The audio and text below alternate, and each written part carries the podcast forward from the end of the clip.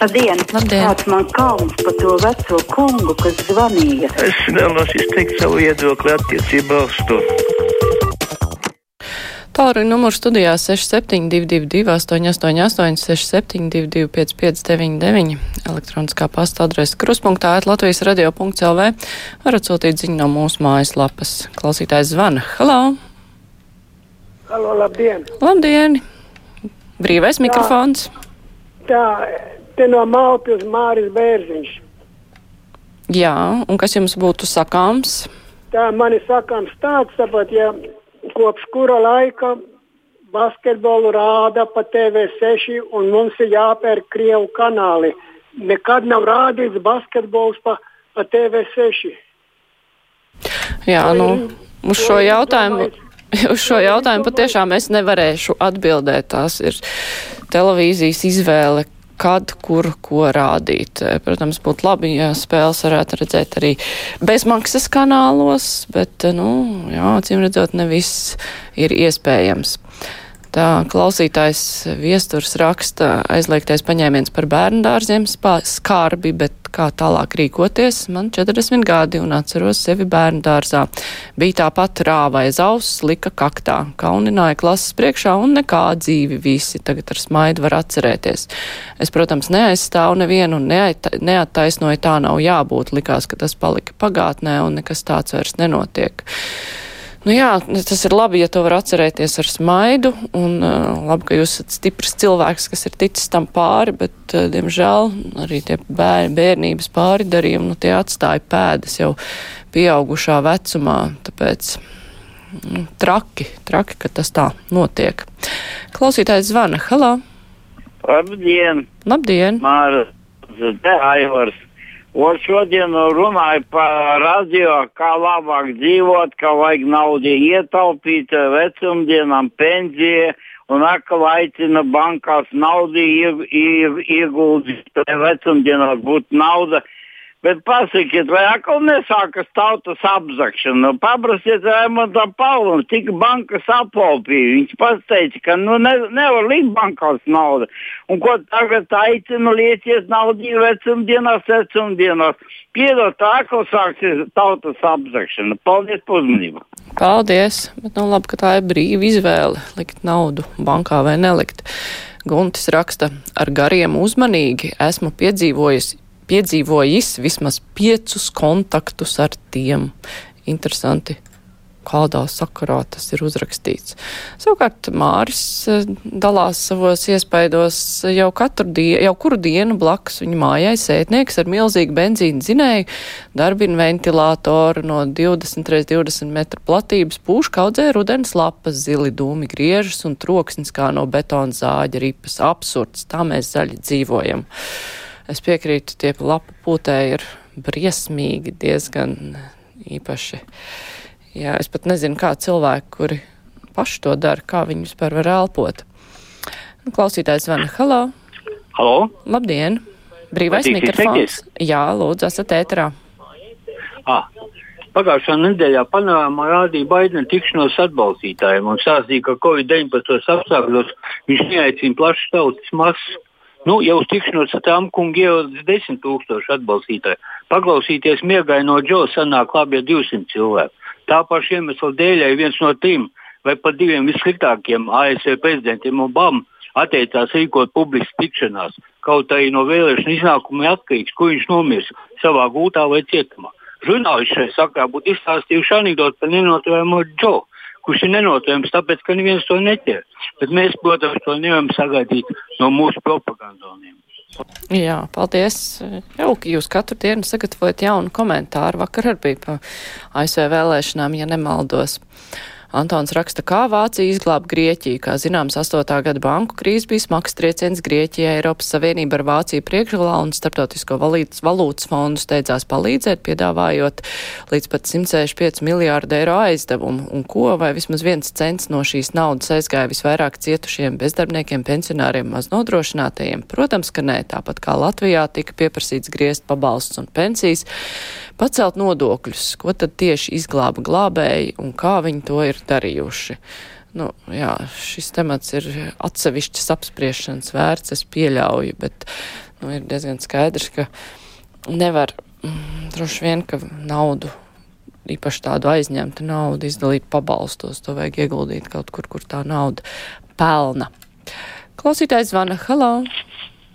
Halo! Labdien! Labdien!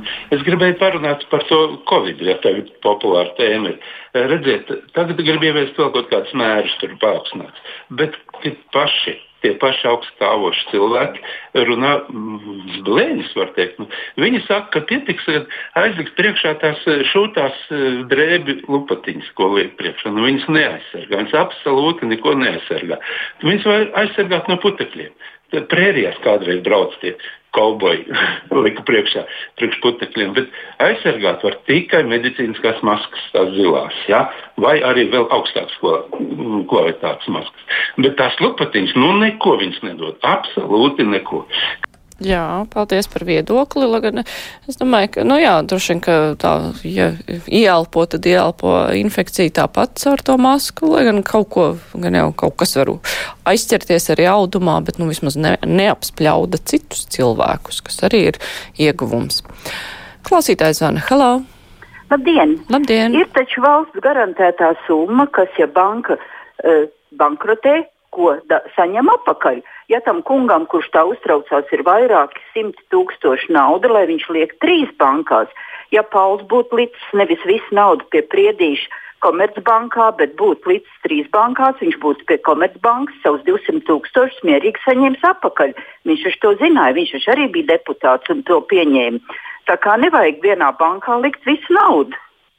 Taisnība ir, nevajag likt, bet, nu, Jā, droši vien, ka es kaut kur arī lasīju interviju ar Raimonu Paulu, kur viņš stāstīja, ka viņš ir kā, nu, uzticējies, ka viņam kā, tie cilvēki, tie banku darbi vadītāji, viņam bija tādi draudzīgi un aicinoši, ka nāciet, lieciet, un tā beigās sanāca tā kā sanāca.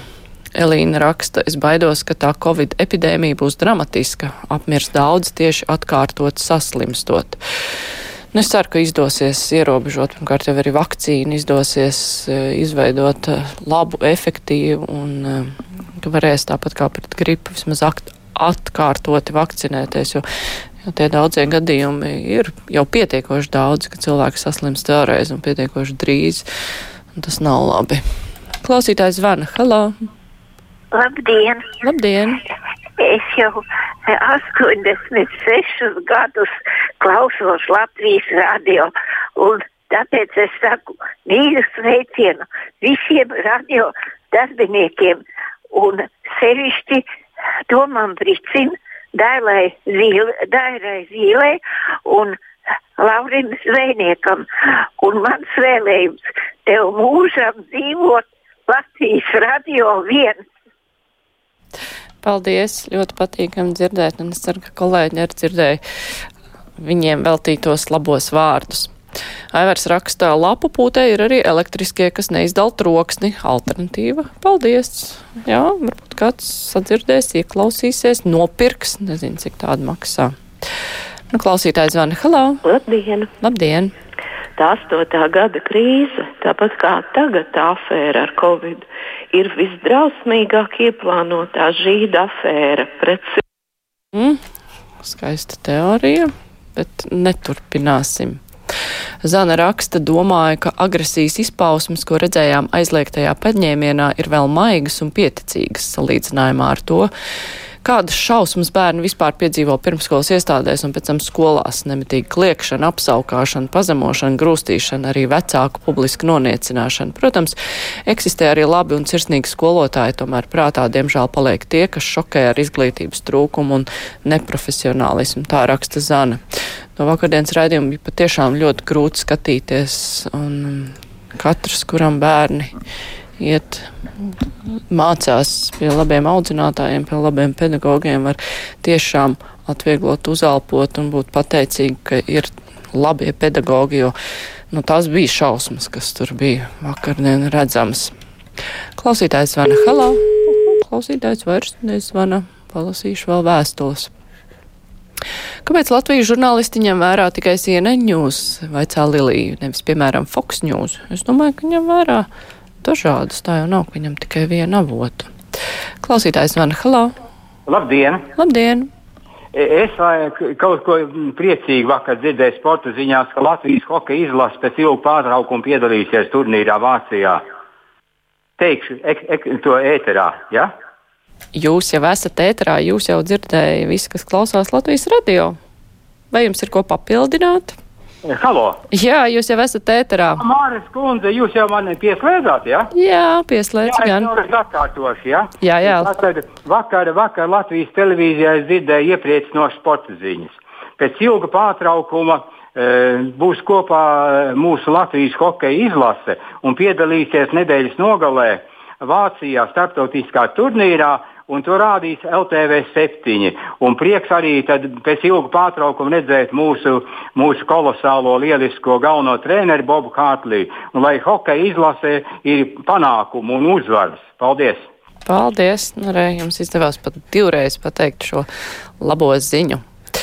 Tā Ilza raksta, Māra, beidziet muldēt par to vakcīnu, vai gripas vakcīna ir izbeigusi slimību un saslimšanu ar gripu?